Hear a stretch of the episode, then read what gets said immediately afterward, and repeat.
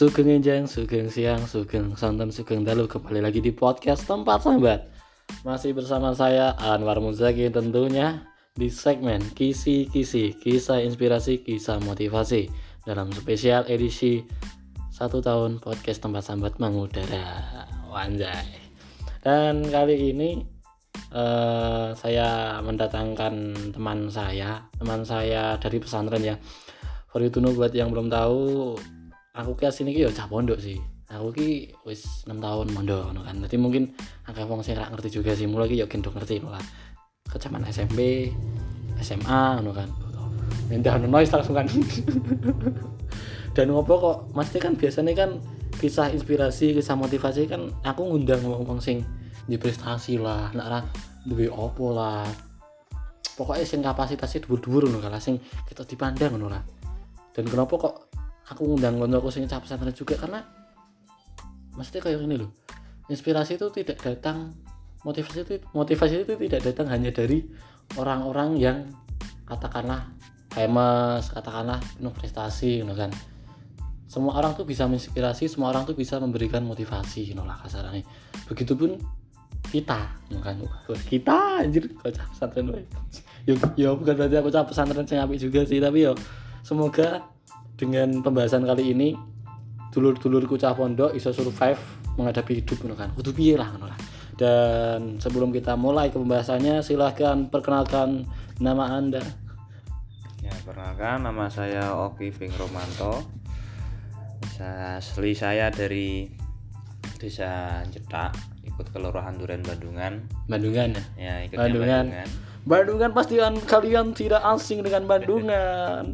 Tempat surganya para lelaki belang iya Bandungan itu bisa terkenal seperti itu iya asumsi masyarakat asumsi awal. masyarakat kan oke jadi sekilas itu ya udah berapa tahun modal mas ini mas untuk sekarang jadi untuk saat ini saya masih berada berdomisili di Pondok Al Maksudiyah Blater. Ya. Saya di Blater itu masuk sekitar tahun 2000 11 berarti kalau sampai 2020 ini sekitar 9 tahun. 9 tahun. 9 itu tahun yang di di Blater Blater sebelumnya lagi? Sebelumnya pernah belajar di pesantren Kenteng Nurul Amal mm -hmm. sekitar tiga tahun. Tiga tahun.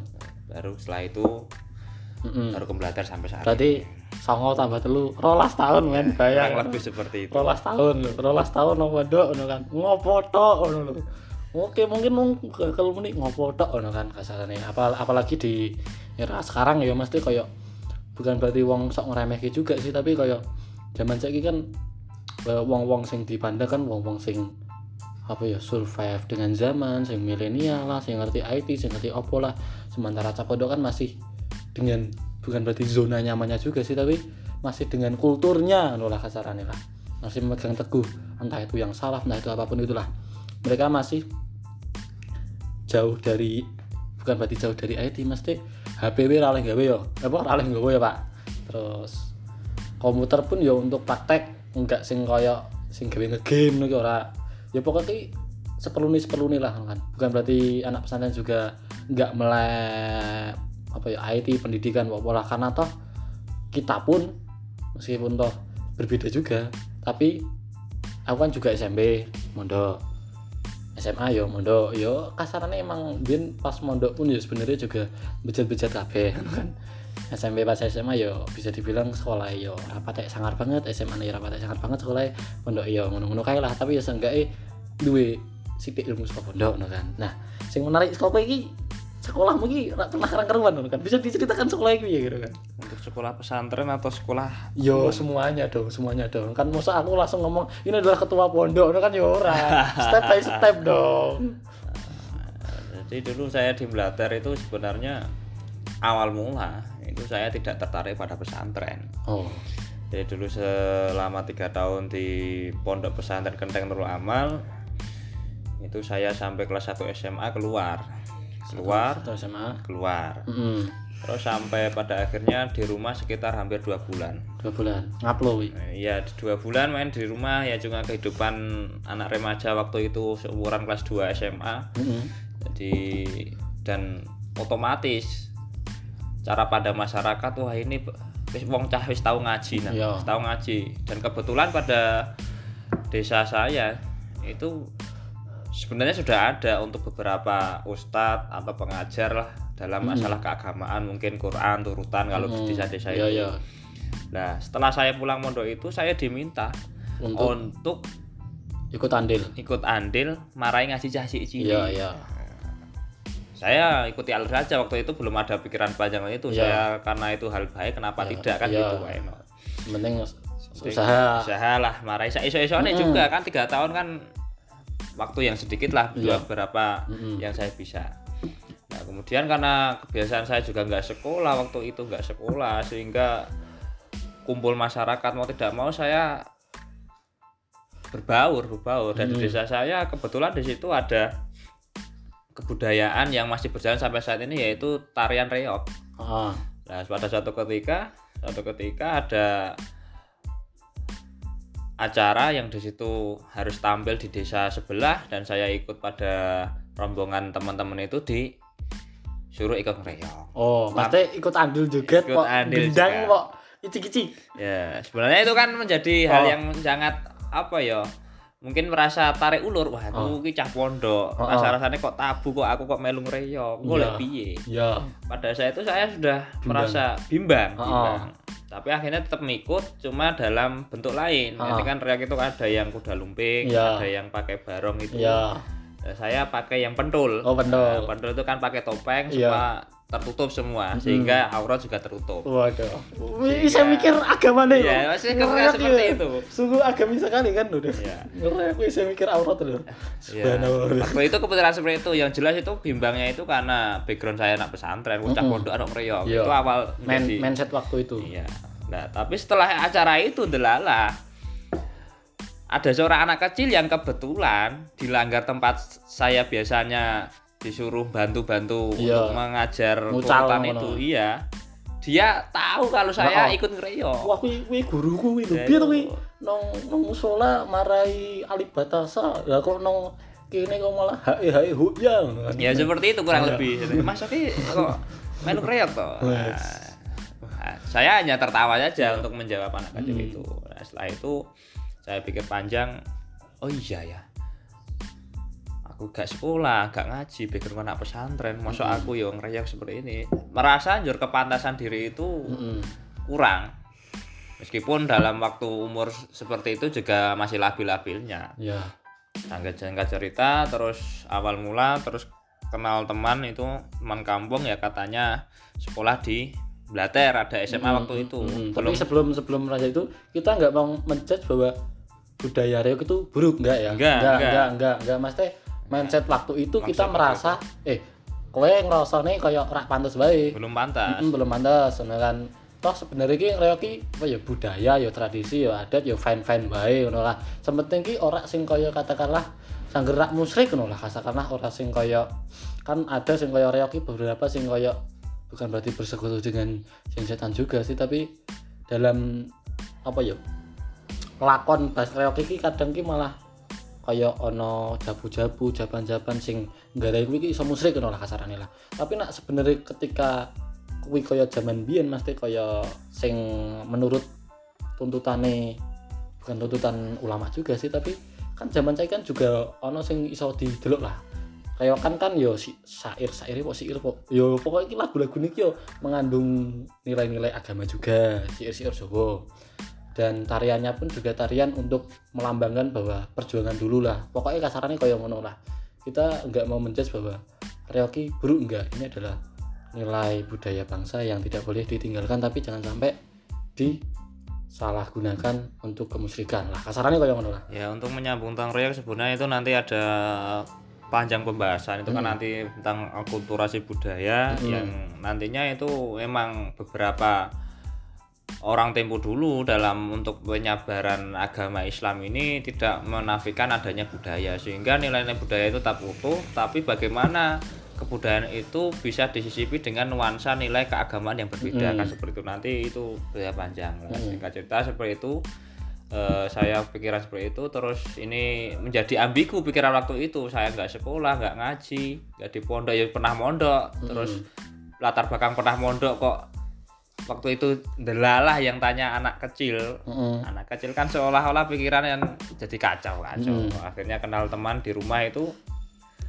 sekolah SMA di Blater katanya ada Hmm. sekolah ini proses masuknya waktu itu mungkin belum saat ini alam Hmm. Asudiah itu masih waktu itu warnanya masih wirausaha itu mengajak eh kalau naik sekolah nang WU wae nang kono penak tertarik saya tertarik meski pada awal juga orang tua nggak saya kabari karena Hmm. waktu itu hanya puisi kan waktu itu ya namanya anak remaja nggak sekolah juga nggak ada uang anaknya Hmm. juga minta terus kan nggak enak Mm-mm. akhirnya dari dorongan kakak awalnya itu kakak ya sudah sekolah sekolah wae wis daripada ngopo nang omah Ya, lewat teman saya itu kampung ngajak di SMA pertama juga kaget saya ya. kaget "Lah, ini sekolahan seperti ini karena eh, sebenarnya minta maaf sebelum saya sekolah di wirausaha SMA itu kan saya di SMA Negeri 1 Negeri ya kan sing terpandang lah ya paling tidak ada benefit lah untuk Oh, oh, Kabupaten untuk- Semarang. Mm, kan jika dibandingkan dengan eh, sekolahan yang ada di pesantren itu Pesantren, kan. Karena ya. emang faktanya ke- bukan berarti kebanyakan juga sih. Karena mayoritas pesantren-pesantren yang masih di desa apalagi ya ketika ada lembaga apa formal entah itu SMP atau SMA mereka tuh masih mengedepankan pesantrennya dan ya ya bukan berarti juga mengenyampingkan tapi eh yo melaku bareng-bareng tapi eh, luweh dabutke nang pondok isik ngono kan. SMA nih kok SMP ini melaku bareng-bareng alon-alon sementing apa duwe jasa lah kasarane ngono lah. Untuk ilmu agama untuk ilmu dunia Nah, waktu itu seperti itulah sehingga singkat cerita saya kaget ini sekolah kok seperti ini seperti nggak ada murid untuk Oh. proses pembelajaran juga kelihatannya masih kurang lah belum saat Hmm. inilah itu hanya beberapa masa cerita masa lalu Iya awal sambat-sambatan SMA. ngono lah Nah, singkat cerita hampir sampai sekitar satu bulanan lah saya sekolah dari rumah terus akhirnya satu kelas saya itu kelas 2 waktu itu kelas 2 ada beberapa anak pesantren yang juga nyambi sekolah di Hmm. waktu itu peraturan dari pesantren yang SMA itu SMA peraturannya belum mewajibkan anak sekolah di SMA Wirausaha yang sekarang Alma Sudia untuk wajib mondok sehingga ya mayoritas masih campur aduk antara yang murid sekolah dan murid sama pesantren Iya, sehingga mayoritas kelas saya itu angkatan itu hanya lima anak yang berdomisili di pesantren. oke Lima itu tambah saya. Mm-mm. Nah, awalnya biasa tau ketika karena link jarak yang dekat antara pesantren dan sekolahan, ketika istirahat atau biasa olahraga atau apa sering diajak main ke pesantren. Oh, pondok itu seperti ini, pondok seperti ini. Ternyata saya tertarik ada ketertarikan di situ tentang bagaimana melihat anak pesantren yang kehidupannya begitu majemuk artinya Mm. berbagai macam orang bisa merasakan kebersamaan Mm. tempat mandi yang seakan-akan mungkin yo seperti itu tapi Yo. mereka damai-damai saja Enjoy, kan? enjoy dan saya juga pernah sebelumnya Uh-uh. artinya mengalami pesantren cuma Mm. Dalam hal ini bukan untuk menjadi perbandingan Mm-mm. tapi karena saya melihat Blakter waktu itu ada kajian ilmu yang lebih luas dari Hmm. panten saya yang sebelumnya Mm-mm. sehingga rasa tertarik itu ada Itu ada singkat cerita terus bilang ke orang tua ma ini pengen mondok ngaji di sana akhirnya diperbolehkan Hmm. nah, jadi singkat cerita saya di Blatter itu pertama yaitu sekolah dulu dari awal ada beberapa cerita masa lalu kok Mm. nggak sekolah nggak pesantren dari cerita sedikit tadi terus sampai ke Blatter Mm-mm. jadi perjalanan saya ke Blatter seperti itu. Jadi saya berawal dari sekolah Mm-mm. dia kenal anak pesantren yang saya dulu pernah pesantren cuman hal ini berbeda. Karena di Blatter itu pernah satu ketika sebenarnya. Ini yang mungkin pernah jarang saya ungkap. Mm. jadi dulu itu ada namanya sekitar Ramadan Ramadan tahun 2010 kalau enggak 2000, 2011 mungkin 2011 itu Iya, iya. ketika itu Jadi ini itu di RI Suara Merdeka Suara Merdeka itu mengadakan sarasehan untuk pesantren menulis atau jurnalistik lah kelas Iya, iya. jurnalistik yang kebetulan di Jawa Tengah itu salah satunya Al Masudia maka dari itu pesantren sekitar itu kan mendapat undangan untuk mengikuti Ah. program itu dari Suara Merdeka yang kebetulan dengan enggak. Sebelum saya itu ceritanya sebelum saya keluar dari pondok saya sebelumnya sebelum vakum satu bulan di rumah nggak Hmm. Iya, iya, ngapa-ngapain iya. itu terus nah waktu itu terkesan kan waktu puasa puasa ada kegiatan jurnalistik ya intinya sarasiah lah bagaimana menulis terus Ya. gambaran tentang pesantren sejarah kemudian ada mungkin ada namanya ini adalah sebuah lembaga ya nanti mungkin ada bergaining dengan pesantren. Ketika pesantren nanti bisa apa ya misalnya membuat suatu tulisan untuk dimuat mungkin itu saya nggak tahu lah. Ya. Nah, singkat cerita setelah acara itu pada sore hari sampai buka bersama ada pesantren kan biasa. Setelah ngaji sholat raweh isyaan jamaah teraweh ada ngaji pasan ya. Nah di situ saya merasa penasaran penasaran penasaran coba mengikuti pengajian kajian kitab yang ada di pesantren waktu itu Mm. hingga pesantren waktu itu wah kok ternyata asik ternyata figur yang membawakan waktu itu ke Fat itu sangat asik Mm. dan yang sampai saya heran itu kajian kitab waktu itu kitab Sahih Bukhari yang menjelaskan tentang hadis dimulai habis isya traweh jam 8 sampai setengah dua Mm. Aku saya waktu itu nggak bisa bayangkan bagaimana orang-orang yang menggali keilmuan itu bisa bertahan selama itu Iya, iya. dan menikmati. Ya mungkin ada rasa kantuk wajar tapi bertahan waktu itu. Iya, iya, iya. saya menjadi penasaran oh di sinilah Apa tempat ilmu mungkin ya. Apa sih nggak ada kono nyaman? Kayak jadi merasa penasaran lah kasarnya. ya waktu itu seperti itu. Sehingga jika cerita mungkin ada satu dorongan itu juga saya waktu jujur akhirnya sekolah itu sering main itulah yang intinya tentang keilmuan pesantren yang kok membuat rasa tertarik Iya, iya. Tertarik, Terus seperti itu bisa survive nong, eh, nong pesantren dan di sekolah juga kan. Dan aku yang ngerti nak apa ki pernah hampir gak lulus SMA kan. Ya, piye ceritane? Ah cerita ya sing ora sing apik-apik barang ya sing Allah gen gawe gen gawe cerita ngono kan. ya itu banyak hal mas sebenarnya kan kalau untuk hal pribadi itu kan setiap orang punya cerita Mm-mm. ya, mungkin beberapa gambaran besar sebenarnya dulu saya di dalam pesantren itu kan kalau melihat dengan latar belakang tempat tinggal yang asal Bandungan Mm-mm. sudah ada justifikasi bahwa Bandungan tuh anaknya Ya. anak yang amburadul lingkungan Ya, seperti ya. itu sehingga untuk saya pribadi kan mungkin jadi hal yang suatu yang perlu disyukuri Ya. seperti saya kok dapat bertahan di pesantren sampai saat ini heeh. Itu kan awal ceritanya sebenarnya dulu saya di sekolah mungkin ada apa ya mungkin ada nilai lebih suatu ketika itu ada lomba pidato Mm-mm. dalam masa keagamaan yang di situ saya ditunjuk untuk mewakili sekolah gitu. Mm-mm. hingga waktu itu saya akhirnya guru pembimbing saya yang itu waktu itu dari kiainya pondok kentang itu membimbing saya suruh diantar orang tua ke sana akhirnya tarik ke pondok itu awal cerita jadi saya dulu sebelum mengenal dunia pesantren untuk nilai akademik saya dalam masa sekolah itu saya sangat mungkin dianggap orang-orang terkenal rajin mungkin Iya. karena kebetulan dulu eh, pernah menjadi ketua OSIS di SMP Negeri 1 Ambarawa Iya, iya. Wis ngerti lah nak SMP wis Grimba Iya. paham lah. dan kebetulan waktu itu mungkin satu-satunya satu-satunya pelopor lah pelopor. Jadi waktu itu saya ketua osis.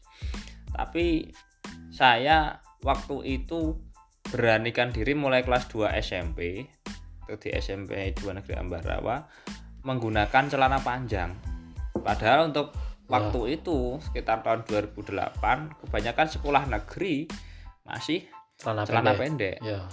dan itu satu sekolahnya saya Ya. saya.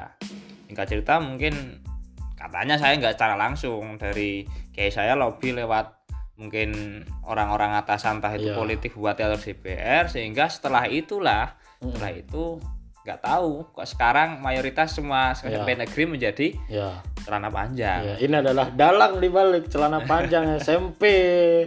Nah, MTS mah panjang terus. iya MTS panjang terus dan saya nggak tahu saya juga waktu itu sebenarnya kan ya merasa beban Iya. awal-awal saya itu ketika sekolah biasanya saya keluar dari pesantren saya pakai celana panjang Iya. tapi sampai di sekolah saya sampai ke kamar mandi saya lepas lagi Iya. jadi karena masih takut karena peraturan sekolah Iya.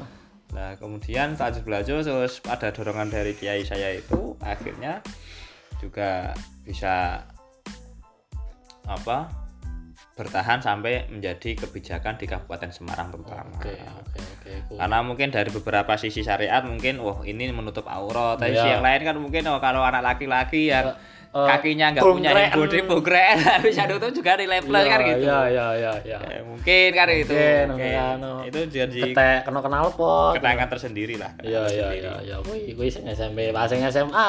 Nah di SMA, di SMA itu karena mungkin ada pernah cerita dulu sampai terutama SMA Blatar karena saya lulus di SMA Wirausaha. Dulu emang pernah, artinya waktu dua bulan menjelang ujian itu saya dikeluarkan sekitar empat orang tidak saya sebut nama adalah teman-teman saya Iya. termasuk saya itu karena faktor mungkin maksudnya mulai di wirausaha itu saya sudah apa ya nuansa belajar tentang sekolah keilmuan umum itu sudah sangat berkurang sehingga Wis- sudah gak sangat rano wis rano mood lah, wis ah, males ah. sekolah ya penting berangkat kadang ya sering bolos. Nah itu tiba pada saatnya delala. Waktu pemadatan pelajaran kelas 3 itu sampai mendekati tryout tryout itu bertepatan dengan waktu liburan pesantren. Otomatis karena keseharian saya di pesantren sangat saya kenal pesantren libur saya harus pulang Ya wis. Sekolah prei, eh, sekolah mangkat, pondok prei yo prek, melu prei. Nah, seperti itulah jika cerita yang pernah mondok. Nah, seterusnya sehingga pada waktu itu tiba-tiba saya kaget. Pondok waktu sebenarnya masih aktif sekolah setelah liburan dipanggil, dipanggil. Teman saya sudah berangkat sudah dipanggil duluan yang tiga itu tinggal saya. Kan maka sekolah rasa salin. Rasa salin, rasa salin. Rasa salin terus ya saya tetap berangkat aja, berangkat. Di sana sudah ada kepala sekolah dan pihak pengurus pondok yang kebetulan di situ sudah masuk dalam lembaga SMA sidang intinya ya wis Kang saya ini sampean rasa sekolah meneh ngaji nang pondok sinten saya kaget waktu itu. Heeh. saya jawab inggih pun. Waktu itu saya tidak ada beban sama sekali. Iya. karena emang pikiran saya waktu itu wah sekolah buat apalah? Yo, waktu itu waktu itu. Waktu itu. Saya pun begitu dulu. iya. Nanti nanti. Oke terus. Nah, tapi kebetulan waktu itu delala posisi itu orang tua saya sudah berselang lama itu masuk rumah sakit. Heeh. hampir sekitar seminggu di rumah sakit tiga bulan nggak bisa apa-apa Hmm. jadi itu ada gejala yang katanya non medis lah penyakit non medis menjadi beban pikiran saya ini orang tua gini sedangkan apakah saya harus berkabar bahwa saya dikeluarkan di sekolah ini sangat menjadi rancu ketika Heeh. kita mengingat pikiran apa istilah dari Ibnu Sina bahwa setengah dari sumber penyakit adalah ketakutan rasa panik. Jadi saya berpikiran waktu itu wah bagaimana ketika aku berbicara kepada orang tua bahwa aku di luar sekolah sedangkan orang tua sedang sakit. Heeh, maksudnya kayak ra penak no kan wis wong tua loro, kahanan kene sekolah ditokno ngono kan. Meh ngomong ra kiwo, nggo ngomong malah dadi santri loro ngono kan. lagi ketakutan itu muncul. Nah setelah itu saya mencoba memutar otak dan kebetulan karena wali kelas waktu itu dari kelas 3 itu Bu Endang. Nah, Hmm. ya Bu Endang itu adalah rumah tinggalnya tepat di sebelah desa, sebelah desa. Saya coba lobby lah harus Ya, bahasa saya lobby. ngono. Saya bersuan ke sana minta cerita ngobrol Bu ini bagaimana orang tua saya gini dan di sekolahan saya gini apakah ada kesempatan buat saya kan saya sampai di situ sampai bisa menangis Ya pokoknya los kan. los, Los. saya, kan. saya pasrah bongkoan Nanti saya juga mau cerita los pokoknya. Ya, los. sehingga saya waktu itu sampai yes pokoknya Gak bangun lah seorang jujur. oke iso nangis. Jujur iya. kan Mate menceritakan keresahan kita secara jujur los karo nganu nih karena kita udah bingung meh menapak kaki ki nang di meneh. Ngono kan. seandainya bukan karena orang tua saya mungkin saya nggak sampai merengek-rengek minta bantuan Bu Endang itu. Waktu itu wali kelas saya kelas 3 Singkat cerita berbicara lama sampai nangis ketika itu Bu Endang ambil telepon telepon kepala sekolah akhirnya ini oke ini masih ada kesempatan naik kan lihat untuk perkembangan ke depannya Ya. nggak tahu saya bagaimana akhirnya waktu itu sampai saya akhirnya nggak dipanggil ke kelihatannya kalau nggak salah tryout terakhir saya nggak dipanggil seminggu kurang ujian akhirnya saya dipanggil SMA lagi untuk mengikuti Langsung ujian. ya Tidak pernah sekolah ujian. dan yang sakit berkenang itu ketika ujian matematika waktu itu Pak Ganggeng Heeh. ini ketika ujian hari kedua atau ketiga itu eh, ujian sudah dimulai. Saya masih tidur di pondok mas waktu itu. Sungguh sungguh. adalah ya ternyata lulus saja Ya, lulus, ya. Lulus. Nah, ini bukan menafikan untuk anak-anak yang sekolah ya kok kenapa? Yo, iki mesti gawe cerita ngono lah Hanya sekedar Iki, cerita. iki, iki mesti engko iki gak set up sik engko punchline engko terakhir. Nah. Terus iki kuliah lanjut sing ke kuliah. Kuliah Weh kuliah telung jurusan tapi rawi sudah kabeh. Iki maksudnya piye? Apa wes terangno kan? Maksudmu apa no kan itu menjadi cerita lain lagi sebenarnya. Jadi ya sebenarnya saya sudah sangat ambigu. Artinya ambigu dunia formal itu sangat sudah tidak menyukai secara teknis. Artinya teknis kenapa sekolah kok harus tatap muka, guru memberikan pelajaran seperti ini. Sedangkan rata-rata kadang waktu itu yang saya alami, kadang guru itu cuek bebek bahasanya. Hmm. Artinya bidik tugas ini dibaca. no. Ya, ya, Sekarang kan itu bisa dipelajari di rumah. iya Nah, kebetulan waktu wasana-wasa kelulusan itu Yai rawuh. Rawuh menyarankan waktu itu untuk lulusan SMA terutama yang berdomisili di pondok untuk melanjutkan ke jenjang perkuliahan. Ya. Nah, meskilah meskipun saya di sekolah itu terkenal anak yang mungkin kurang rajin, belajar nggak pernah banget PR, sering bolos, tapi kan mungkin saya terkenal orang yang sering berdebat Mm-mm. sampai pernah mendebat guru waktu itu pindang sampai nangis sampai anu gara-gara apa ya itu pernah kontrak ketika pelajaran PPKN kalau nggak salah. Pindang berdebat tentang apa ijazah SMA juga nggak penting kuliah. Buat apa kuliah bu? Waktu itu sama saya "Oh, nyatanya Megawati lulusan ijazah SMA jadi presiden. Iya. buat wajah saya itu sampai nangis waktu itu pernah. Tapi karena dorongan Yai seperti itu akhirnya saya terbersih untuk wah udahlah kuliah lah cari Ya. pengalaman. Iya. Dan kebetulan tahun kelulusan saya 2014 iya. yang Indonesia pada saat itu sedang gencarnya tahun politik. Iya. Tahun politik. Dan saya waktu itu lah waktu itu mengidolakan sosok Jokowi. Mm-mm. Dan dari setiap hari saya mengikuti berita dari dia wali kota Solo mencalonkan gubernur di iya. Jakarta sehingga saya terpacu. Terpacu dan mengambil kuliah karena di IAIN waktu itu masih Stein Salatiga tidak ada jurusan hukum spesifik saya ambil hukuman apa jurusan ahwalus syasiah atau hukum perdata. Ya Ya. mungkin rodok mambu-mambu lah hukum. mambu-mambu nerempet-nerempet sithik lah Nah. Nah, setelah itu awal kuliah mungkin kuliah ya biasalah anak kuliah baru opak opak kalau di SMP SMA ada mos perkenalan itu. Nah, waktu itu ada namanya PMII mungkin bagi beberapa teman-teman yang sudah pernah kuliah tahu PMII pergerakan mahasiswa Islam Indonesia yang Ya. menaungi backgroundnya itu NU ya backgroundnya NU yang di situ menjadi lembaga eksternal kampus Oh, oh. yang di situ waktu itu menjadi pembimbing jadi saya ditempatkan di mana waktu persiapan mos nggak Hmm. usah yang jauh-jauh karena kebetulan dari pondok sampai ke kampus itu butuh waktu yang lama dan waktu mos itu ada jarak apa jam 6 pagi harus sudah mau Iya. sampai tempat. Nah singkat cerita di kampus itu karena dari awal mos itu saya terkenal mungkin lantang. Hmm. artinya lantang itu ketika ada pertanyaan yang dilontarkan ketika ada hukuman dari kakak-kakak sing gojloki saya Iya. berani menjawab. Speak up lah. Saya speak up. Mungkin saya terkenal trocoh lah. Ya ya kakean bacot lah mungkin Iya. bahasa kasar seperti itu. Hingga saya dikenal di kalangan PMI PMI sampai akhirnya ada proseduran penerimaan anggota kalau namanya dulu Mapaba Mm-mm. Mapaba ini Mapaba masa penerimaan anggota baru saya mengikuti menjadi anggota PMI dan kebetulan saya singkat cerita menjadi ketua angkatan untuk rayon syariah rayon itu ya mungkin Ya, apa kayak ya?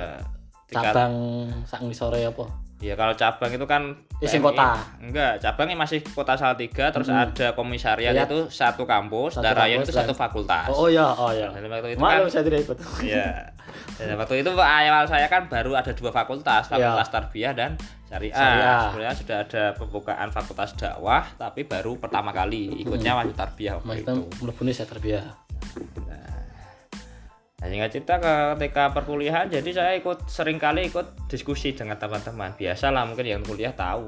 Jadi Hmm. saya jarang sekali kok kuliah mengikuti kelas saya sendiri. Hmm. Jadi kadang saya meninggalkan kelas ikut acara diskusi teman-teman yang kadang di situ nggak ada faedahnya sih. Hmm. Ya faedahnya cuma apa ya artinya kadang lupa tujuan kuliah setelah itu Iya. karena ketertarikan saya pada dunia politik, dunia ya diskusi. untuk menggali ilmu tersendiri yang Iya. diminati lah acaranya dan bahkan ada teman saya itu namanya Pak Atok sekarang menjadi masih di pondok itu saya sering ikut kelasnya waktu itu dia ambil jurusan agama Mm-mm. sehingga saya malah kuliah jurusan kelas saya sendiri nggak saya datangi saya datang kelas lain Mm-mm. kadang pernah kuliah pada waktu itu ikut kelas tafsir kelas bahasa Inggris pada itu saya ambil jurusan hukum nggak tahu saya mungkin pernah terinspirasi pada film Three Idiot kalau anda pernah nonton.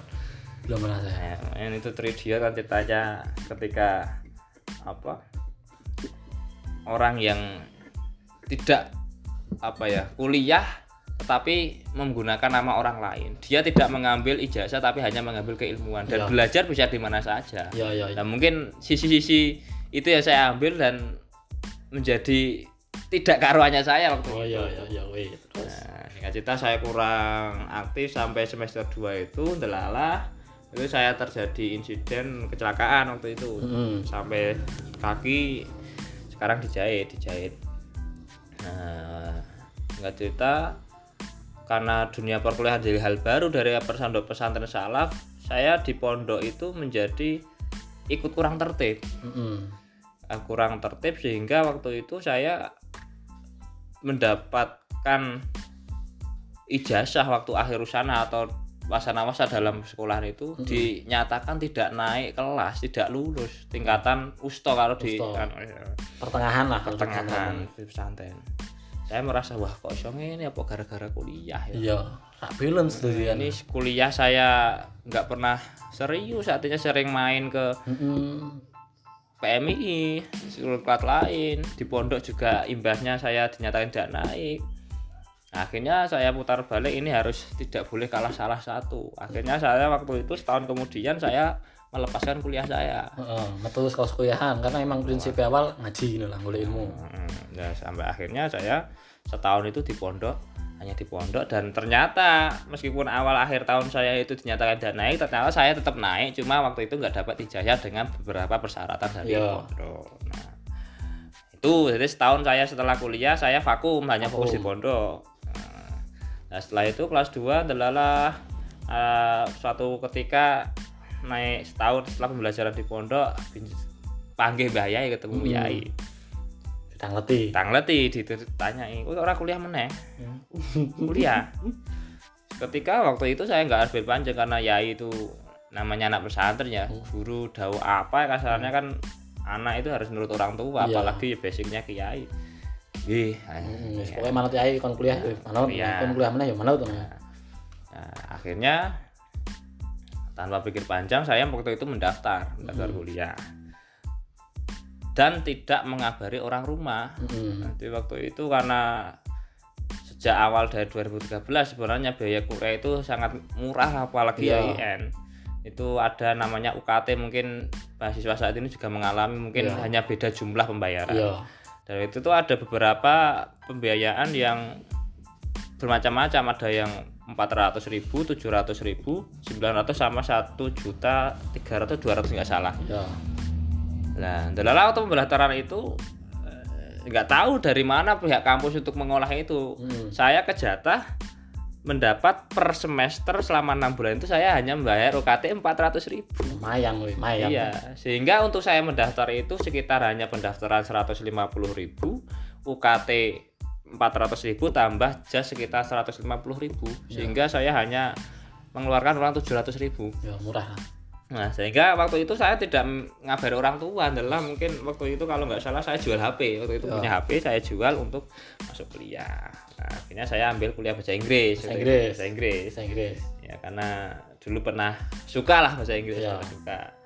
Kebetulan dulu di pondok pesantren Nurul Amal pernah ikut namanya apa Pospeda, Pekan Olahraga dan Seni Pesantren Daerah Mm-mm. sudah sampai Jawa Tengah. Iya iya iya Nah, dan itu ada cerita menarik lagi. iya Satu ketika teman saya di pondok namanya Kang Anam itu kan de- rumahnya Kaliwinong. Ah, Nah, itu ada pospeda tingkat kabupaten dan di madrasahnya pondoknya mengirimkan delegasi lomba yang pospeda yang sama yang pernah saya ikuti di Kenteng dulu ketika saya di provinsi.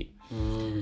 Dan di situ adalah kebetulan ngobrol ketemu sama Pak Pirin yang sekarang jadi anggota DPR. Mm-mm. Singkat cerita ngobrol sana kemari kok ada perlombaan seperti ini saya ketika nyeletuk bahasa Jawanya apa Iya. ya menyambung wah aku ya wis tahu pak mau nate dari bahasa Inggris ya wis kowe melu makili kene wae jadi waktu itu saya dibon Mm-mm. dari Kaliwinong itu untuk mengikuti perlombaan Hmm. Pidato bahasa Inggris mewakili Oh, ono Sana. pihak jam apa pihak Kalibinong. ya Kaliwinong nah singkat cerita tanpa persiapan saya juga berangkat. Waktu itu saya juga sudah lama sebenarnya vakum untuk dunia bahasa Inggris karena sudah berapa tahun lah. Ikut di sana ikut di sana terus delalah delalah delalah di sana itu nggak tahu sih nggak tahu. Ada akhirnya dapat juara dua sebenarnya juara dua. Ya, juara loro. juara dua. Tapi waktu waktu saat waktu deadline sampai ke provinsi seharusnya kan juara satu yang diambil mewakili kabupaten Hmm. adalah yang juara satu itu dari pesantren asalnya kabur Mm-mm. karena Oh, ada kasus apa nggak tahu Betat, bener. nah otomatis saya yang juara Ya. dua itu menggantikan. menggantikan itu untuk maju ke tingkat provinsi Mm-mm. nah itu cerita lucu dan juga menjadi kenangan saya Mm. pos peda waktu itu ketika tingkat provinsi dilakukan di Grobogan saya cuman yai yai niki badhe matur niki saya ada eh, perlombaan pidato bahasa Inggris tingkat Jawa Tengah dalam rangka seperti ini seperti ini. Mm. loh makili ngerti pondok kok ora karo kok. Saya ditanya juga kayak tuh ini ki makili Pak Piri loh Nah, yai langsung ya nggak bahasa marah sih cuma meluruskan lah sebagai Iya. orang tua. Loh iki mondok ngendi? Iya, kok mondok nang kene kok makili kono? Nek kowe mondok nang kene tak sangoni. Iya. Ora bakal tak izini tak tak sangoni. Tapi kowe nek mondok nang kene kono ya ora entuk. Nah, tapi karena kenakalan saya waktu Iya, itu. kompetat Rono. ya, saya tetap berangkat gitu dan sampai akhirnya juga kalah lah. Ya Ya, intinya tadi kan saya pengalaman lah. pengalaman tuh gitu. Sehingga saya keluar periode kedua itu saya ambil bahasa Inggris bahasa Inggris. Hmm, bahasa Inggris. Tahun ya? Ya, itu sampai saya setahun lebih lah setahun lebih. Kembali lagi masuk ke semester 2 kedua di pondok saya naik kelas 3 ulia atau tingkat tamatan untuk Oh, pesantren wisuda lah, wisuda. Ya, wisuda di pesantren. Sudah pesantren. Lah mutar-otak karena kesibukan di pondok menjauh menjadi lulusan yang intinya mempersiapkan acara kelulusan, mungkin dari juga persiapan ujian dan sebagainya. Kuliah saya terbengkalai lagi. Mm, terus Terbengkalai lagi. tinggal mana? Enggak ditinggal waktu belum, Oh, belum tinggal. Sehingga saya merasa wah ketika itu Inggris pun saya juga merasakan kejenuhan ketika kuliah karena ini kuliah tentang mencari bahasa itu kan hanya mungkin paling penting hanya speaking untuk saya Ya. pribadi untuk writing, reading, Mm-mm. untuk yang lain-lain mungkin teori lah tentang Ya. anu, saya agak agak suka benci Mm-mm. sampai pada akhirnya saya mikirkan tetap kuliah tapi untuk menga- mengalihkan jurusan saya jurusan saya nah, biasanya saya mulai prosedur saya mengikuti kampus tanya-tanya ini kalau pindah jurusan gimana? Nah karena jurusan ya pokoknya ada lah. Alasannya alasannya karena untuk meringankan lah Ya. beban tugas atau apa yang kiranya anu. Dan karena latar belakang pesantren yang setiap hari hanya membahas tentang keilmuan agama akhirnya saya menjatuhkan pilihan ke PAI, waktu PAI. itu PAI Nah. PAI Tiga jurusan. tiga jurusan. Lah PAI itu sebenarnya sederhana sih bukan karena apa ya sebenarnya anak-anak pondok belajar untuk saat ini apalagi kuliah kok di kampus hanya mengambil keagamaan itu kan hal yang sangat apa ya Ya, bukan berarti mubazir juga sih, tapi kayak wis nang pondok dibaleni meneh ngono. Iya, tapi saya nggak cari nggak seperti itu karena yang saya ketahui mungkin nilai keilmuan kualitas mungkin tinggi pesantren. Cuma Iya. di kampus waktu itu saya rasakan tentang setengah tahun mungkin lebih saya ambil PAI singkat cerita ada hal-hal yang mungkin bisa didapat di kampus yaitu Iya. tentang kurikulum yang jelas Ya. sehingga apa yang harus dipelajari terus apa bagaimana jam pelajaran seperti ini itu menjadi pengkotak-kotaan lah Ya lebih struktural. Hmm. Tapi juga ada nilai kurangnya. Mm-mm. Artinya kurangnya anak kampus sehingga tergantung karena kampus menyediakan kurikulum untuk belajar ini ini ini sehingga mau tidak mau ya hanya mengikuti. Mm-mm. Beda ketika pesantren. Yun, sama-sama keagamaan, belajar agama di pondok sampai pesantren. Pesantren itu ya manut kiai ini. Ya. Manut kiai Dibebaskan ini, yang penting tidak keluar dalam tanda kutip ranah pembelajaran dari Se- kiai lah. Mm, sehingga nanti dari santri itu akan muncul loh aku kok masih kurang ini syairi ada kemendirian merasa kekurangan Ya, itu bisa. bedanya pesantren dan kampus waktu itu sadari cuma saya hanya mencari pengalaman untuk itu Iya. pengalaman singkat cerita bla bla bla bla bla ada banyak konflik lah ini pada saatnya yo saya keluar Iya, keluar. Metu, guys. Akhirnya- tidak N ya. N ya Sing dunia pendidikan N adalah kasarnya. pendidikan N, tapi itu adalah sebenarnya titik balik itu. Menurut saya itu titik balik karena apa ya? kowe iki apa ya duwe prinsip jalan hidupmu sendiri lah mungkin. Mungkin mungkin pas biyen kowe mikir kayak eh itu mungkin kowe kayak menyesali entah apa pun itu tapi bagiku itu adalah pilihan hidupmu. Maksudnya kayak aku gur golek pengalaman ya wis pengalaman tok. Wis cukup ya wis ketika kowe bali nang pondok kowe ya terus kayak apa sing dalanmu awal prinsipmu awal meh ngopo meh iki meh lebare meh ngopo meh ngabdi kah meh mulang kah meh gawe apa ngabdi Pak Yai kah? Mbah Yai kah? Nah bedane aku karo kowe kan ini kita sama-sama di pondok kita sama-sama sekolah.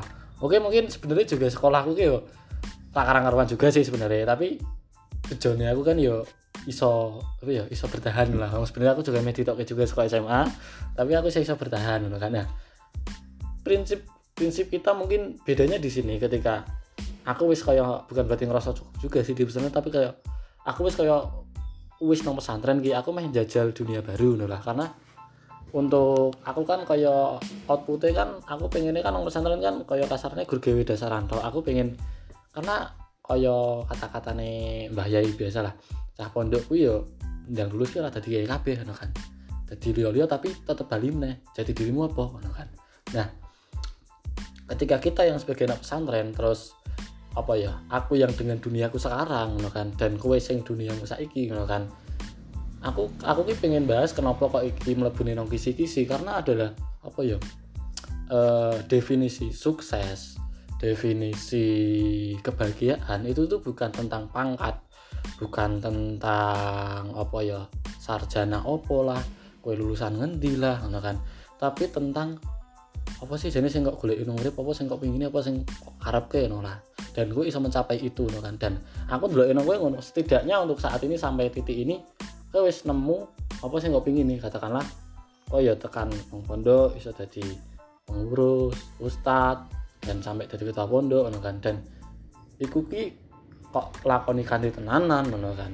Dan aku pun juga punya pilihan sendiri gitu kan. Ketika aku sing pengen metu pondok karena aku ada pilihan lain pengen menjajal warna-warna liya kehidupan lah kasarnya nah sing pengen tak tonjolkan dari kita adalah kowe jelas nih. Bukan jelas juga sih tapi nge-share nak nak cah pondok tok ki yo iso ngono dan aku juga ceritakin nak apa ya? Cah sing mondok karo sekolah ki juga punya poin lebih tapi juga tidak tidak boleh meninggalkan jati dirinya. Kan mudah lah nah sekolah sekolah kowe sih karena kowe memang sekolahnya kan N wisan tapi bukan Iya. berarti itu kan cuma tempat untuk belajar nah sih sebenarnya untuk pondok ini kan kalau kita bicara lagi untuk tentang nuansa keilmuan sebenarnya pondok pondok itu kan kalau sejarah itu kan itu dari tinggalnya Wali Songo ada namanya dulu mungkin langgar cantrik Mm-mm. ini cantrik menjadi santri di mana tempat itu tempat orang-orang mencari mencari tentang keilmuan agama Mm. dan kita bicara tentang hukum apa saja sih yang wajib bagi manusia karena perintah dari Nabi sendiri tolakul ilmi faridoton ala mencari ilmu itu wajib. Ilmu yang seperti apa? Tentunya kalau kita bicara seperti itu kan ilmu hal ilmu yang akan kita lakukan. Mm-mm. itu sebenarnya sederhana. Berarti kan otomatis kalau kita orang Islam kewajibannya kita hanya mengetahui tentang bagaimana tata sholat Mm-mm. zakat puasa haji syahadat otomatis. Apalagi yang Islam keturunan itu Ya, sudah menjadi hal yang sangat wajar lah. Sehingga keilmuan-ilmuan ilmu dasar nah cuma yang saya alami sendiri ini benar-benar saya ya mungkin jangan salah paham bagi teman-teman yang mendengar. Jadi kenapa banyak sekali pesantren santri itu menjadi ambigu? Terutama yang nanti pada akhirnya mungkin seperti sampean yang sekolah mau apa hanya enam tahun di pesantren terus mondok enam tahun itu apa. Ya memang kalau enam tahun sebenarnya sudah cukup Mm-mm. untuk ilmu yang ada kebutuhan pribadi untuk Ya. pelak- untuk melakukan kewajiban sebagai seorang muslim Oh. lah seorang Islam. Nah, cuma cuma semakin lama kita di pesantren itu kadang ya ada dan itu apa ya? Semakin lama seharusnya kan kalau prinsip padi itu semakin lama semakin semakin berisi lah karena Hmm. berisi. Nah, karena pesantren itu paling tidak kita itu berkumpul dengan orang-orang yang baik meskipun baik dalam terpaksa ya Ya. kita sadarilah di pondok bangun subuh karo nggak digoyang nggak bangun ngaji Ya. kalau nggak diopiai nggak bangun sampai kalau nggak Ya. berangkat dihukum itu kan kebiasaan-kebiasaan yang sebenarnya Mm-mm. beban buat kita kebaikan yang harus dipaksakan Mm-mm. dan ada teori mengatakan bahwa ada namanya kalau bahasanya kitab itu musyarakatu tabai pencurian watak Heeh. orang itu siapa yang sering dia kumpuli siapa yang siap gauli Mm-mm. akan menjadi watak yang secara langsung dia alam bawah sadarnya menirukan ya membangun dirinya membangun diri sehingga nang pondok ketika tempat itu tempatnya orang baik orang mengaji orang beribadah mencari ilmu juga kiainya sudah menjadi figur yang sangat Mm-mm. patut secara karakter untuk dicontoh mau tidak mau waktu yang lama di pondok itu sebenarnya adalah pembentukan karakter Mm-mm. kebaikan lah mungkin ada beberapa orang yang sedikit di pondok nggak masalah nggak masalah karena dia merasa cukup waktu itu untuk apa untuk apa aku senang pondok sih untuk lah cukup lah Ya. paling ora ad- untuk kebutuhanku dewi Mm-mm. aku iso sholat iso ngaji iso maca Quran Mm-mm. Nah, pada kemudian karena namanya agama ini generasi kalau kanjeng Nabi al ulama warasatul anbiya, ulama kiai adalah pewaris para nabi, otomatis santri pun nanti Hmm. pada akhirnya akan menjadi pewaris para kiai. penerus Lah mau tidak mau harus ada beban moral. Ya. Beban moral itu apa? Si santri ke depannya apa yang telah didapat di pesantren paling tidak harus ada timbal balik untuk disebarkan mungkin di masyarakat Masyarakat. minimal keluarga. ya keluarga. kecilnya Nah, lah cuman ini kalau bicara tentang sampai anak sekolah terus Nah. anu lah. Kadang kan kita itu terjebak ya, terjebak. Nuansa anak pondok biasanya nek santri kudu sarungan, Ya, ya, pipisan. seakan-akan itu bungkus santri itu nek orang ngono ra santri. ya ya, ya. Rokok, linting, gudikan Ya, lah, ya, ya, ya. ngono. Nah, ibaratnya ajaran agama dalam santri itu keilmuan itu kan ibarat yang diberikan kiai itu nasi Mm-mm. nasi nasi kita konsumsi kita manusianya nasi Mm. dan pada kemudian kita mengolah nasi itu mau bisa jadikan bubur bisa dijadikan mungkin nasi goreng Iya. tiwul soto Iya, itu kan terserah kita balik ke kita sendiri Nah, mungkin kita ada bekal keilmuan santri tapi kita terjun pada wahya sekolah Mm-mm. mungkin ada mediaku santri yang pengen Mm-mm. sing biasa wae lah Mm-mm. yang penting santri itu Mm-mm. dan jangan terjebak pada bungkus. Ya. Yang penting itu isinya. Ya ya ya. karena zaman sekarang ya sudah tahu lah semua canggih lah. Apalagi si keilmuan sudah tidak ya. hanya di pesantren bisa diperoleh. Ya ya ya. Oke aku mau nimbali jadi sing aku bukan berarti meh speak up mewakili cah-cah sing mondok harus sekolah ya tapi iki sing tak alami dhewe ngono kan. Ketika kowe siap metu saka pondok dengan planning yang matang aja metu sih maksudnya aku pribadi kan eh, sebenarnya ya bagus sih jane sih ketika wis amung kuliah wis ngabdi gek metu gek ngelakoni apa sing tak pingini lah kasarane lah kan. Nah, salahku tuh sebenarnya ketika keluar dari pondok tuh cuma pengen nyoba hal baru tapi belum punya planning. Makanya setahun setelah keluar pondok aku tuh masih apa ya? Masih apa ya kasarannya kayak masih ngeroboh-ngeroboh saya rawang-rawang lah. Kasarannya kayak iki iki ranah ngendi sing meh tak lakoni tapi orang meninggalkan sisi pesantrenku ora meninggalkan jati diriku. Maksudnya ngopo aku ngomong ini karena bukan berarti aku maksa tapi nak iso ketika kowe cah pondok dan metu saka pondok dan wis mbah sekolah mbah kerja mbah apa pun itulah nak iso outpute kuwi ana nilai-nilai apa sing kok entuk saka pesantren. Kasarane aku dhewe iki contoh. Aku nang pesantren dan setelah setahun planning kehidupanku piye piye piye piye alhamdulillah aku bisa survive dengan katakanlah aku nggak konten kayak podcast stand up dan lain sebagainya konten-kontenku ngono kan. Secara tidak langsung sebenarnya di dalam itu tuh tak sisipi ilmu-ilmu yang aku dapat dari pesantren. Sehingga ketika di pesantren pun aku sudah seperti yang dikatakan tadi membangun jati diri. Jadi ketika nong pesantren wis ya jati diri wis ono ketika dhewe metu saka dunia pesantren ketika kita survive di kehidupan dengan circle mau bagaimanapun kita tuh masih kuat. Namanya aku metu pesantren ketemu karo cah apa pun itulah cah seni cah dalanan cah sing rodok nyamping ke kiwo nyamping ke kenen. Wah pokoknya dengan segala rupa dunia kan. Kita masih bisa apa ya memegang jati diri kita makanya yang susahin mungkin lagi ketika mayoritas cah-cah pesantren metu dan nama planning mereka kalah dengan ego mereka kalah dengan keadaan mereka kalah dengan lingkungan sekitar yang menekan mereka sehingga apa yang mereka dapat di pesantren itu agak kurang bisa di apa ya dimanfaatkan dengan baik. Jadi bukan berarti kesannya kalau sio-sio sih mondok pirang seperti ini tapi kayak mbak yo nak iso diaplikasikan ngono lah kasarannya kayak ngono sih. Jadi yo berharap sih kayak ngono. Jadi aja sampai nak iso sadurunge metu bodoh nak ngono di planning ngono kan. Tapi balik ke masing-masing ngono kan. Kalian gelem ra ngono kan. Mesti apa ya mengaplikasikan itu dalam kehidupan kalian. Yang kalian jalin itu entah itu sekolah entah itu kerja entah itu apa pun itulah menyambung ya mas. Sebenarnya itu seperti itu. Jadi kebanyakan kalau kita lihat anak pesantren yang pernah mondok apalagi cuma sekolah kemudian keluar itu kebanyakan ada sisi-sisi negatif yang kemudian timbul. Artinya sisi pesantren mungkin banyak yang hilang. Ada benarnya ketika sampean mengatakan bahwa itu kebanyakan mereka belum punya tujuan setelah keluar pesantren saya mau ngapain. Mm -hmm. Ya tidak ada salah tidak salah. Tidak ada salahnya. Tidak salahnya ketika anak pesantren keluar terus membuka dunia baru kemudian otomatis lah lingkungan yang dia gerumuli pun bukan orang-orang baru beda jauh dengan pesantren. Ini juga menjadi PR sebenarnya.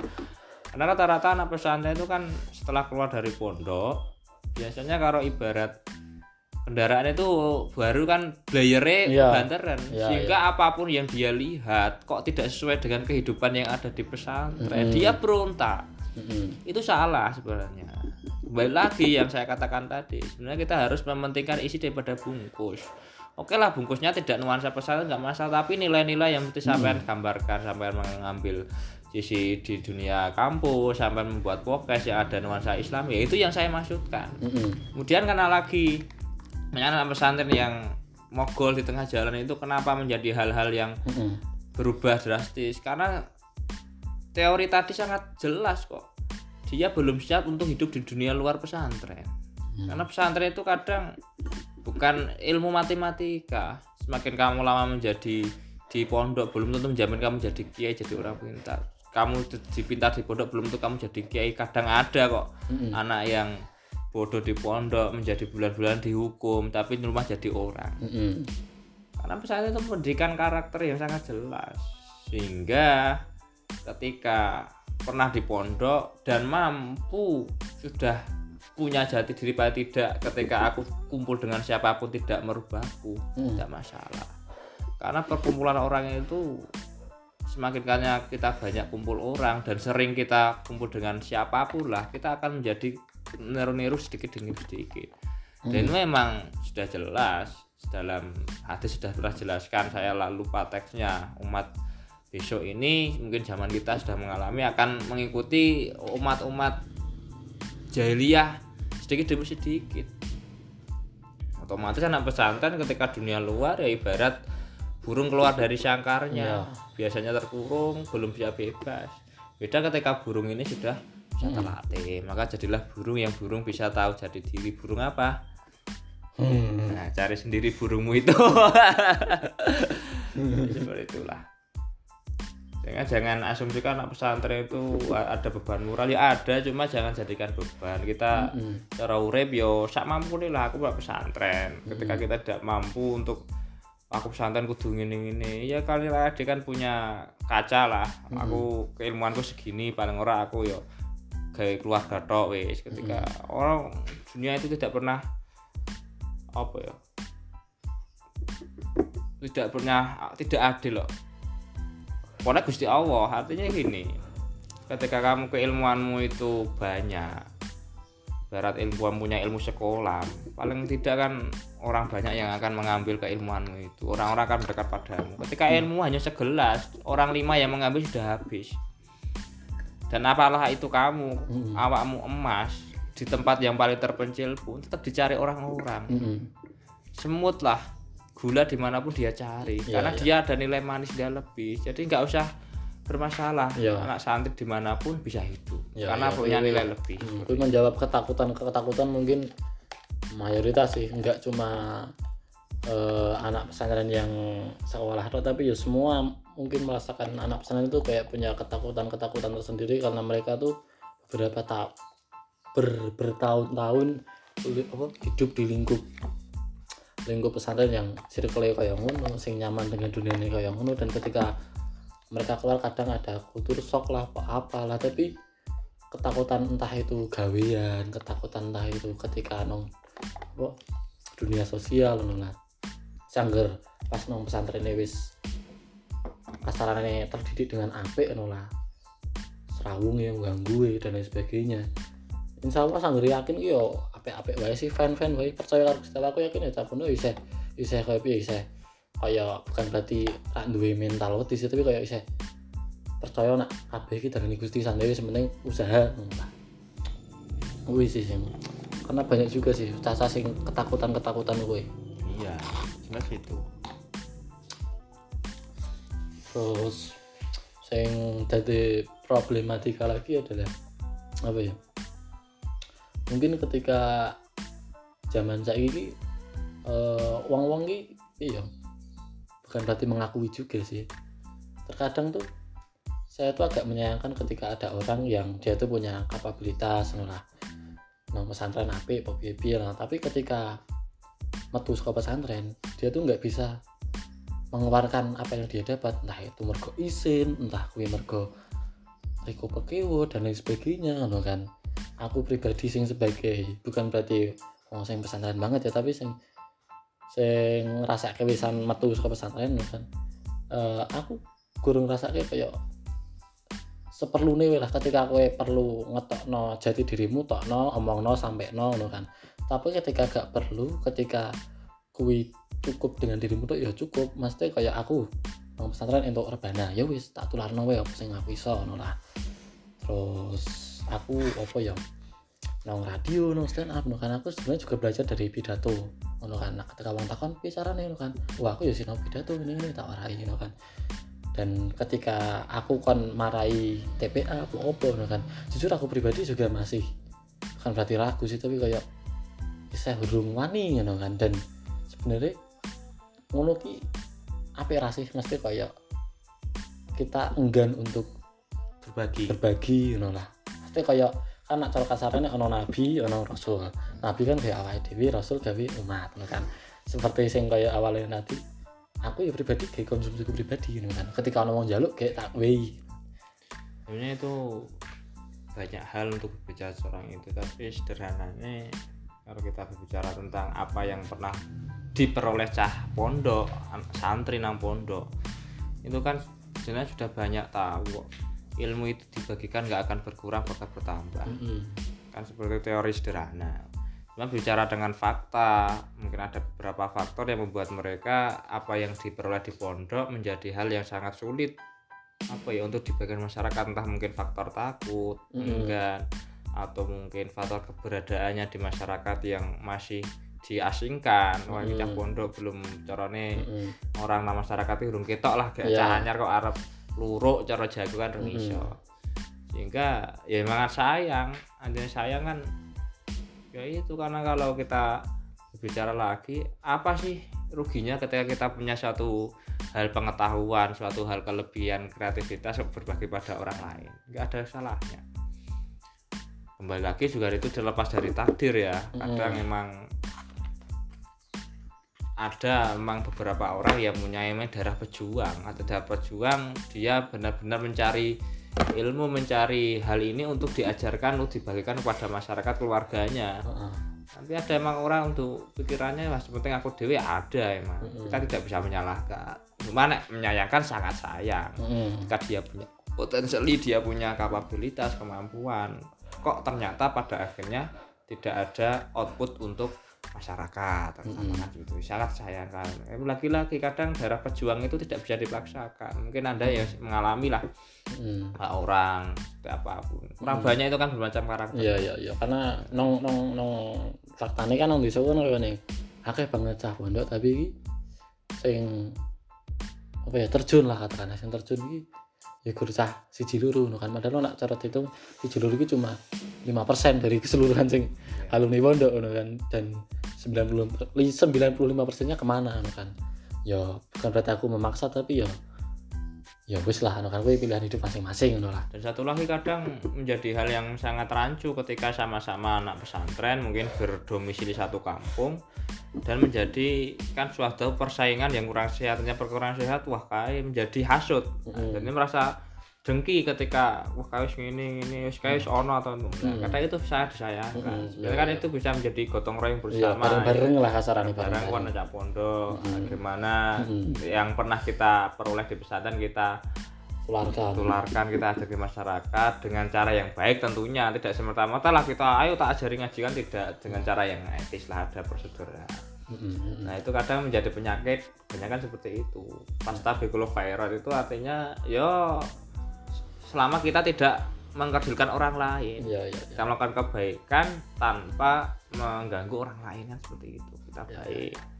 kita jangan melupakan hablum minallah kita hubungan dengan Allah dengan Hmm. sama manusia. Ini kan sangat aneh. Iya iya. Orang pesantren sama pesantren bertarung dengan egonya masing-masing karena pengakuan. Iya iya. Nah untuk di daerahku gak gak gak ono sih kan tapi mungkin tuntutan kuwi sih maksudnya kayak no desa kan kayak kasarannya gini. Wong sing mondok kan sithik ngono kan. Enggak enggak. Kayak sing akeh. Tapi ketika bali mondok kan eh bali mondok ngono kan. Lek ulang ngaji eh bali mondok. Wong-wong tua kan kayak ngono. Mesti kayak mindset wong tua. Oke ketika orang-orang kota kan mereka kan bukan berarti individu individualis juga sih tapi mereka ta apa ya gak sing kaya wong desa ngono lah. Nak wong desa kan ketika pecah pondok Bali kan kaya digadang-gadang lah kasarane. Dianggap berilmu. Heeh. Dijak dan lain sebagainya itulah pokoknya. Jadi ya itu beberapa apa ya beban-beban dan ketakutan-ketakutan ya semoga bisa menjawab semuanya lah. Terus apa nih kui kui kui dari sudut kacamata aku. Aku sing wis ngalami sih. Ya sebenarnya seperti itulah. Nggak usah jadi beban tapi bagaimanapun karena sepinter segoblok pun kita di pondok. Masyarakat yang seperti tadi tahunya karena kita itu pondokan kita dianggap tahu dianggap bisa tentang keilmuan keagamaan. Hingga paling tidak hal-hal dasar tuh anak pesantren tahu lah untuk masalah sholat, Mm-mm. sholat suci, kegiatan keagamaan apalah untuk minta untuk mendoakan orang mati. Itu sebenarnya hal yang sangat bisa lah bisa. Hanya kadang keberanian perlu digali lagi. Nggak masalah nggak masalah. Sehingga anak pesantren ketika dianggap itu ya emang anggapan masyarakat. Mm-mm. dan kita tinggal kembali lagi kita di pesantren menggali ilmu cah pondok kuwi niatnya untuk apa untuk nantinya? Untuk konsumsi pribadi dan dan keluarga nggak masalah. Tapi andai kata masyarakat meminta untuk kita sangat disayangkan apabila Hmm. kita hanya berdiam diri. Mm-mm. dan apalagi kalau kita melihat mungkin lingkungan di sekitar kita kok ternyata keagamaan sosial keagamaan yang masih kurang kita bisa dan diam saja itu sangat bersayang nanti perdebatan panjang mungkin ada butuh proses yang tidak semerta-merta mudah lah kalau kita melihat perjuangan dari cerita kiai dulu wali songo wal- ulama bahkan nabi pun ya wajar ketika orang punya etikat untuk menyebarkan kebaikan ya pasti adalah orang-orang yang menjadi penghalang ujian cobaan karena mungkin yang pernah saya peroleh semakin besar ujian cobaan halangan hambatan yang dia peroleh semakin besar derajatnya dia. Iya iya. Berat kita orang beragama lah itu seperti hanya orang bersekolah kita lulus tingkatan SD kita lulus SMP step by step Nah, SMP pun nanti pelajarannya akan semakin sulit beda Hmm. dengan SD. SMP kita lulus dengan pelajarannya kita SMA naik SMA. SMA lulus ya juga dengan pelajaran yang semakin naik. Kampus juga seperti itu ya. Begitulah orang beragama dan hidup. Sehingga sebagaimana kita menghadapi masalah ketakutan dalam menjalani hidup beban anak pesantren seperti ini ketika kita tidak mampu melewatinya ya kita ibarat sekolah ya nggak naik kelas nggak lulus tingkatan. Ketika kita dalam melewatinya nanti kita akan jangan anggap kok nggak ada hambatan ya tetap ada. Cuma dari bagaimana kita menghadapinya aja.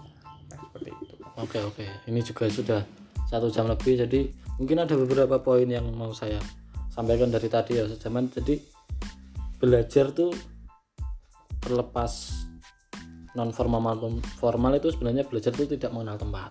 Kita bisa belajar di mana saja, ya kapan saja, pada siapa saja.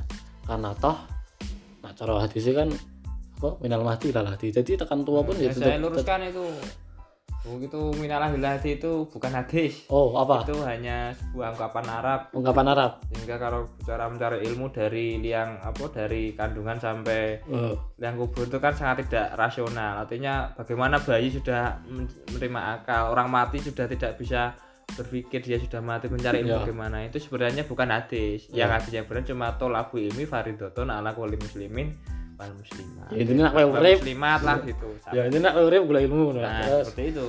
Iya. Terus? Biar nggak salah paham Mm, nanti. kan rawa-rawa. Nah kan aku juga ngerti gitu tapi biasanya kan nunggu anu kan koyo ngono kuwi.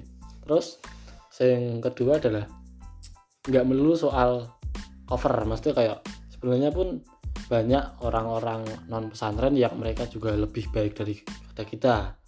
Karena mereka juga belajar. Maksudnya kayak ojo dulu cover ya maksudnya kayak sing peci sing sorban sing sarungan ki tentu apik ono ora ono kan sing jenggotan sing apa pun itulah. Kuwi balik ke apa ya sikap. Maksudnya kayak tak peduli rak peduli pacaranmu kayak apa sementing adalah outputmu tindakanmu apa ngono kan. Karena kan yo yang ngono kuwi lah kita paham lah. Agama kan tidak tidak tentang over tapi tentang tindakan ngono lah terus Ya. eh mana ya mau lali. Tentang ketakutan ketakutan kan. Apa pun ketakutan kalian sementing us- untuk saat ini kalian iseh nom. Ya aku yakin sih iseh nom sing iseh nang pondok boy iseh sing mondok harus sekolah boy sing alumni pondok no kan.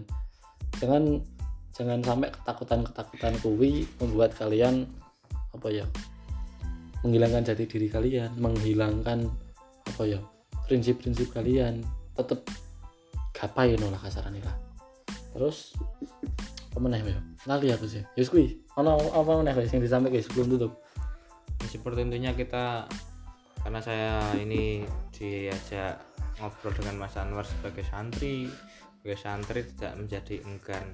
Intinya intinya pada poin tadi kita itu di pondok mencari ilmu itu ibarat yai itu kiai memberikan nasi pada kita. Mm-mm. untuk keluarnya kita misalnya anak pesantren itu nasi itu tidak semata-mata kita bawa nasi kita berikan pada orang lain. Tidak kita harus mengolah mengolahnya. sesuai dengan kebutuhan masyarakat yang ada. Sehingga kita tidak usah merasa takut enggan wah butuh sego arah segoran enggak.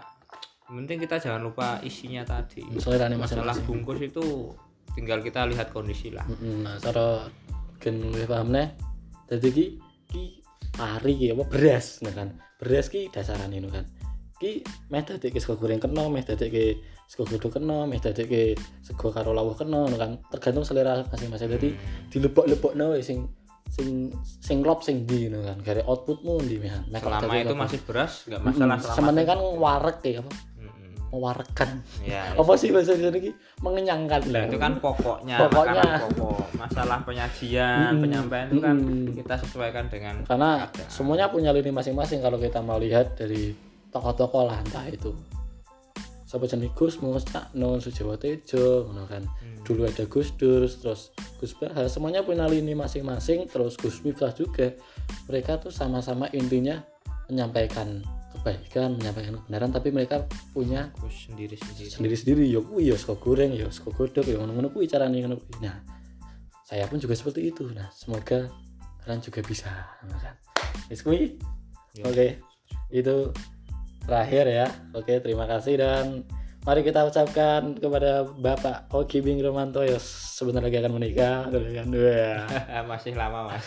iya sebentar lagi ngono kan. Ya wis kuwi, Ya, selamat. selamat menempuh hidup baru. Dan mau udah ngerti nah cara masih keluar kan. Oke.